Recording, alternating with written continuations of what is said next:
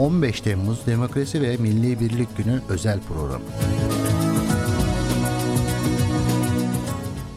Kıymetli dinleyenler, Trakya Üniversitesi Radyosu Radyo Güne Bakan'da din istismarı açısından 15 Temmuz ihanetini konuşmak için kıymetli konuğum Trakya Üniversitesi İlahiyat Fakültesi öğretim üyesi Doçent Doktor Abdullah Taha İmamoğlu ve ben yine Trakya Üniversitesi İlahiyat Fakültesi araştırma görevlisi Ömer Faruk Kahve Radyo Güne Bakan'a konuk olduk. Hamd Cenabı Hakk'a, salat ve selam Resulü Kibriya'yadır. Serhat şehri Edirne'mizden ve ülkenin her bir karış toprağında olduğu gibi şehit kanlarıyla sulanmış bu kutlu beldeden tüm dinleyenlere hürmet ve muhabbetlerimizi arz ederiz. Ülkemiz yaklaşık bin yıllık bir sürede çok sayıda savaşa, gazaya, mücadeleye şahitlik etti. Biliyorsunuz Türkiye her bir karış toprağını en kıymetli varlığı olan canlarından vazgeçen şühedanın yüce bir Ali Cenab Kadir Şinas örnekleriyle fethedildi ve bugün de muhafaza edilmeye devam ediyor. Ülkemizin bilinen en büyük şehitliği Çanakkale şehitliği iken Edirne bu anlamda ikinci sırada geliyor. Özellikle Balkan şehitleri ve askeri hastane şehitliğiyle on binlerce şehidimiz burada yatıyor. Bu sebeple bugünkü konumuz hem biz Edirneliler ve elbette bütün bir milletimiz için büyük önem arz ediyor. Programa başlarken nazik davetleri ve konuya gösterdikleri ilgi için üniversitemize ve üniversitemiz şahsında Radyo Güne Bakan'a şükranlarımızı arz ederim. Ülkemizde yaşanan binlerce kahramanlık örneklerinden en yakını 15 Temmuz 2016 gecesi yaşandı. Bu gecede millet olarak 250 şehit ve binlerce gazi verdik. Bugün 15 Temmuz 2016 meş'um darbe girişiminin üzerinden tam 7 yıl geçti. Hubbul vatan minel iman yani vatan sevgisi imandandır hadisi şerifini şiar edinmiş milletimiz dini ve milli değerlerini muhafaza etmek ve milletimizin ilerlemesini, terakkisini sağlamak için canlarından vazgeçtiler. Dolayısıyla milletimiz her kritik dönemde olduğu gibi yine birlik ve bütünlüğünü ortaya koyarak mücadelesini vermiştir. Bu sebeple 15 Temmuz bir millet zaferidir ve kimsenin tek elinde değildir. Dolayısıyla milletimizin ve memleketimizin bekası bu milli birlik ve bütünlüğün tesisi ve devamlılığıyla doğrudan alakalıdır. Kıymetli dinleyenler, vatan sevgisi imandandır dedik. Dolayısıyla dini ve milli değerler bizlerin hep en temel ilkelerimizi teşkil etti. FETÖ terör örgütünün ısrarla içini boşalttığı, özellikle ve bilerek istismar ettiği bu dini unsurları konuşarak programımıza başlayalım. Hocam tekrardan hoş geldiniz diyorum. Böylelikle kısa bir girizgah da yapmış olduk. Bu çerçevede isterseniz şu soruyla başlayalım. Din istismarı nedir? Dinin menfaatlere kurban edilmesi ne anlama gelir? Buyurun hocam.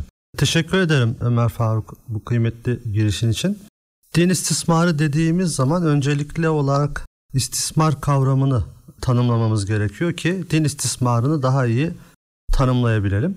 İstismar dediğimiz zaman aslında bir kimsenin iyi niyetini ya da bir topluluğun iyi niyetini kendi menfaatlerimiz için kötüye kullanmayı kastediyoruz. Yani bu noktada aslında sömürü, istismar, sömürgecilik bunların hepsi aynı kökten gelen kelimeler. Bu noktada din istismarı dediğimiz zaman aslında biz insanların dini duygularını sömürmüş oluyoruz ya da onların dine dair bakışını kendi menfaatlerimize uygun hale getirmiş oluyoruz. Din istismarı neticesinde hem dine ait düşünce dünyamız hem dine ait kavramlar hem kaynağını dinden alan değerler maalesef insanların aldatılması neticesinde maddi ve manevi çıkar elde etme süreçlerine dönüşüyor ve bu noktada din istismarı aslında bir takım menfaatlere karşılık dinin kötü bir şekilde kullanımı anlamına geliyor.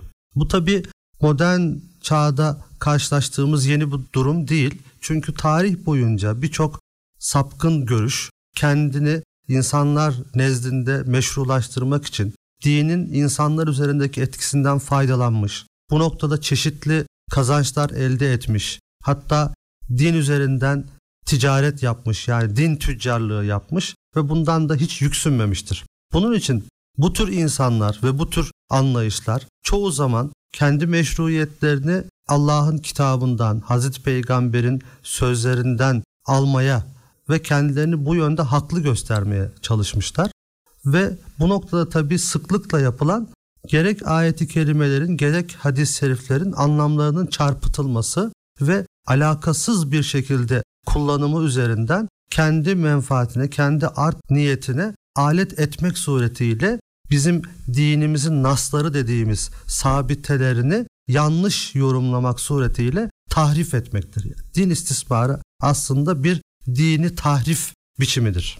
Hocam herhalde bu dinin menfaatleri alet edilmesi meselesi sistematik bir şekilde yapılıyor olsa gerek. Bu çerçevede şahsi menfaatlerini perdelemek ve tabiri caizse karanlık işlerini örtbas edebilmek için özellikle dini kavramların bir üst başlık olarak tercih edildiğini hep beraber gördük ve yaşadık. Bunlarla ilgili neler söylemek istersiniz?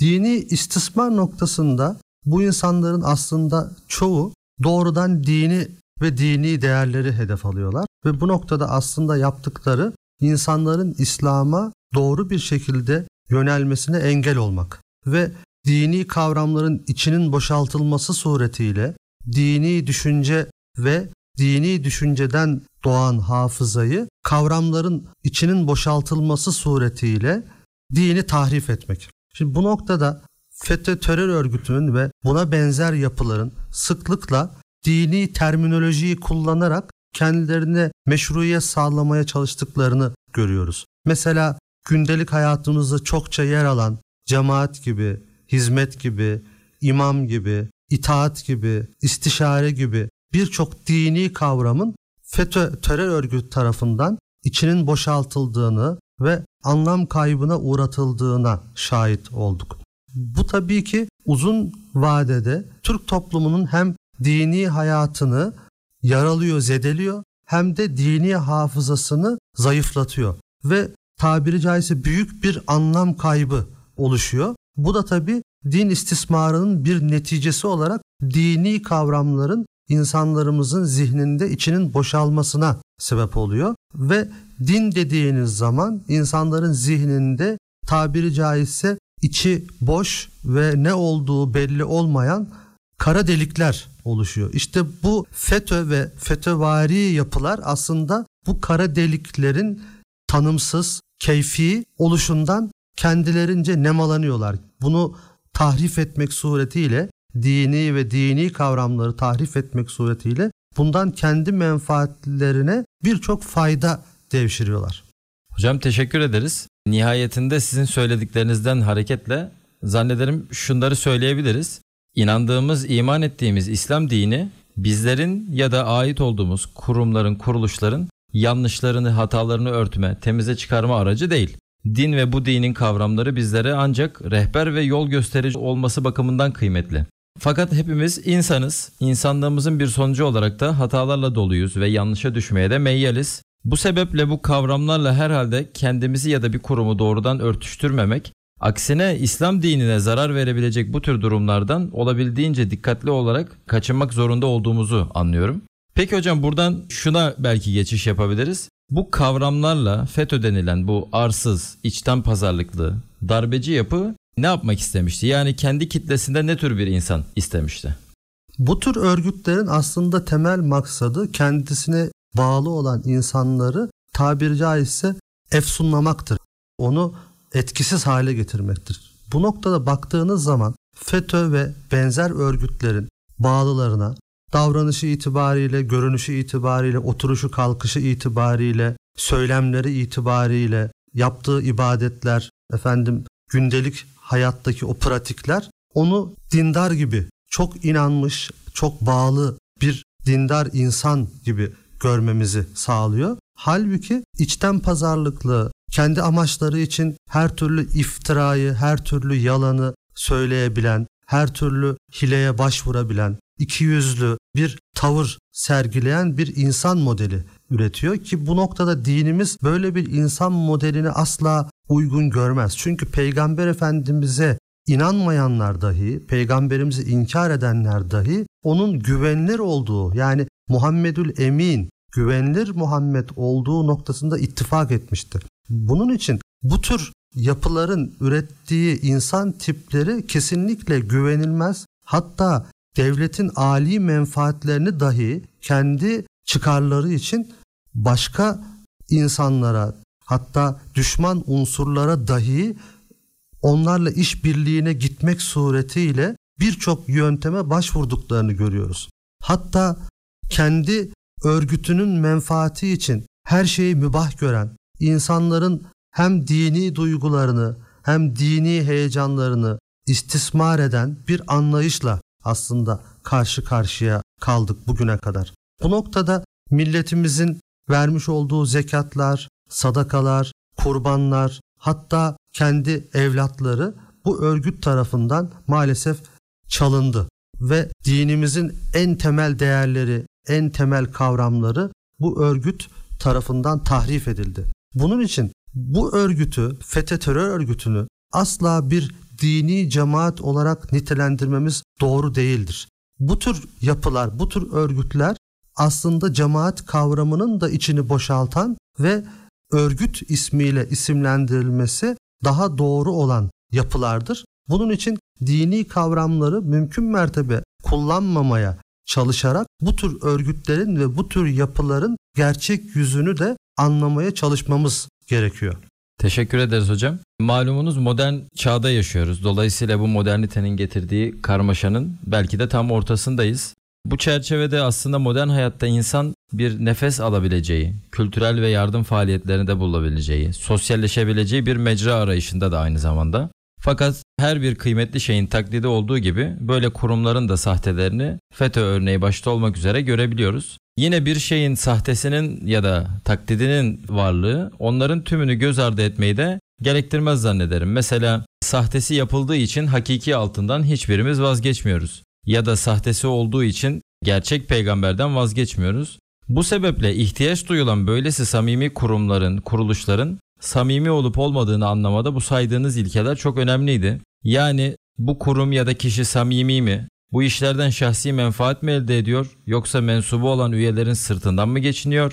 Söyledikleriyle yaptıkları uyuşur mu yoksa vaaz nasihat edip kendisi arkadan karanlık işler mi çeviriyor gibi sorular herhalde bu bahsettiğiniz bir takım unsurların kullanılmasında gerçek olup olmadığını anlamada ayırt edebileceğimiz bir mihver görevi görüyor. Teşekkür ederiz. Şimdi FETÖ gibi bir terör örgütü insanların bütün bu ihtiyaçlarını sömürerek, suistimal ederek paralel bir devlet olma maksadı güttü.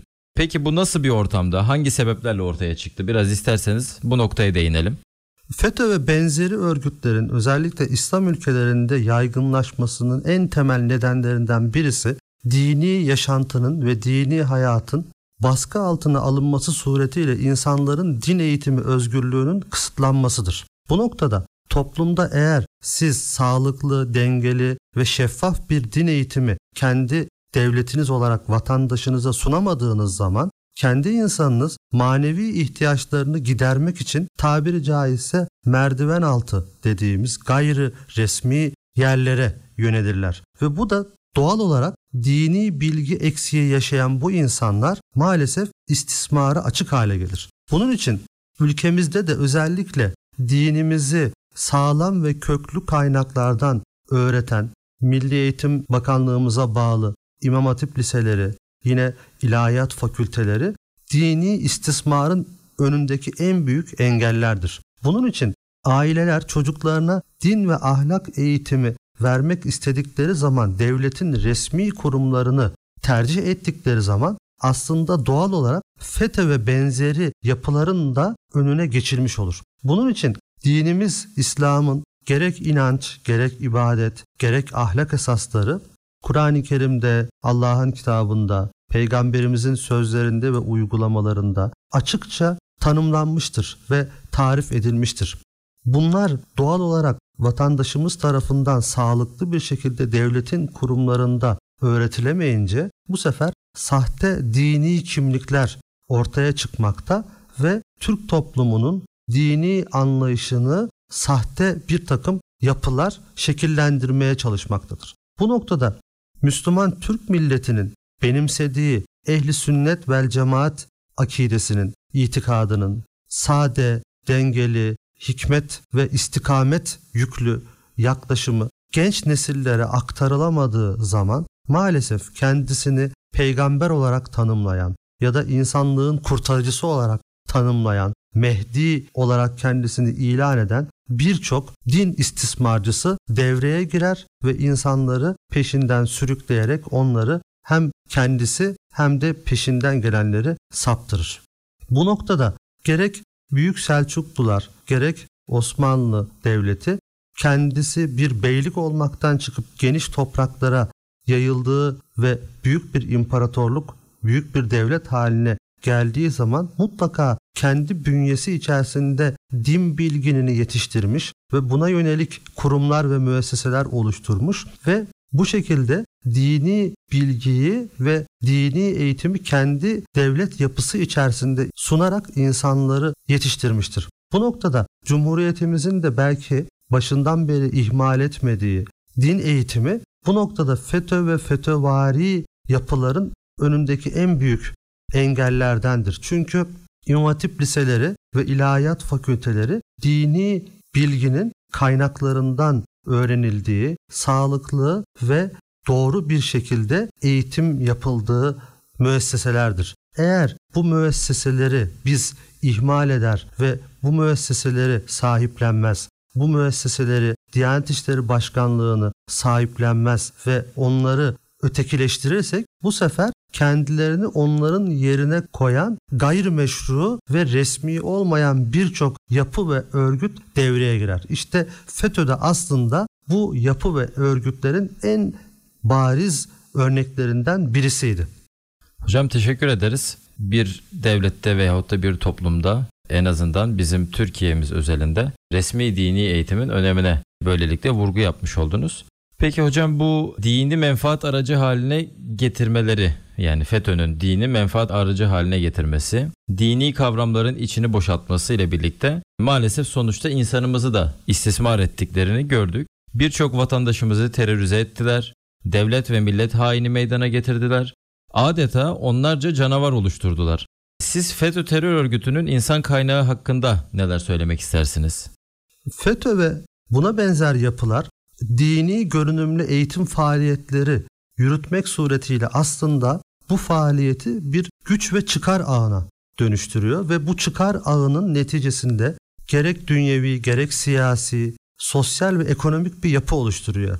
Ve aslında kendi niyetini gizlemek suretiyle dini baskı altında yaşayan birçok bölgede özellikle Sovyet Sosyalist Cumhuriyetler Birliği'nin dağılmasından sonra Orta Asya Türk Cumhuriyetlerinde, Yugoslavya'nın dağılmasından sonra Balkanlarda ve Fransız sömürgesinin çok yoğun olduğu Afrika ülkelerinde FETÖ terör örgütü kendisine meşru bir zemin bulmakta zorlanmamıştır. Niçin? Çünkü bu bölgelerde din ve dini eğitim uzun süre yasaklandığı için ve ötekileştirildiği için FETÖ dini eğitim veriyorum kisvesi altında bu bölgelerde kolaylıkla yayılma imkanı bulmuştur.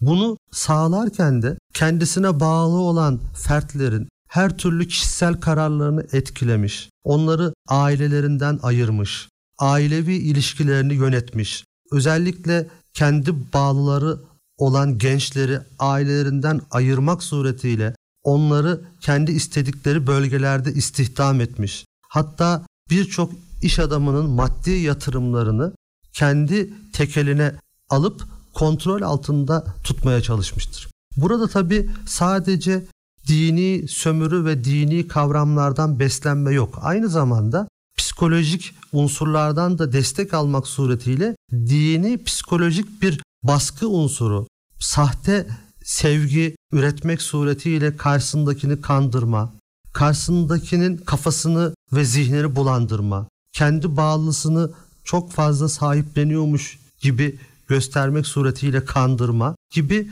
birçok psikolojik yönteme de başvurmak suretiyle kendi üyelerini aslında sadece kendisine bağlı, hiçbir şekilde emirlerini sorgulamayan, kayıtsız şartsız bağlılık gösteren ve bu şekilde yabancı her türlü fikre uzak duran, kendi menfaati ve kendi örgütü dışındaki bütün Müslümanları ve İslami anlayışları değersiz gören bir tavır sergilemişlerdir. Bunun için din istismarı üzerine kurulu bu tür yapılara insanların yönelmesini engellemek ancak ve ancak sağlam ve yeterli dini bilginin devlet tarafından vatandaşlarına uygun bir zeminde ve resmi bir kanal ile verilmesiyle mümkündür.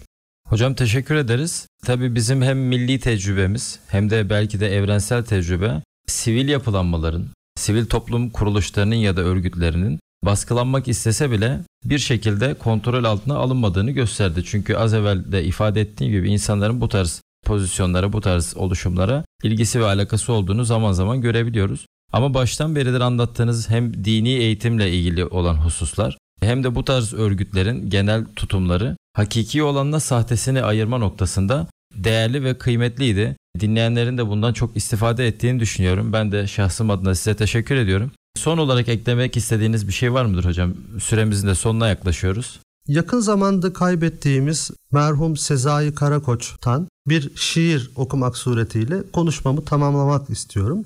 Fecir Devleti adlı şiirinde Türk milletini tanımlarken şu dizelere yer veriyor şair Karakoç ve diyor ki birden kendi ulusumun sırrına erdim. Halkım yalnız iki duyguyu tanıdı. Ya birini yaşadı ya öbürünü yaşadı. Fetih veya bozgun. İşte sırrı ulusumun.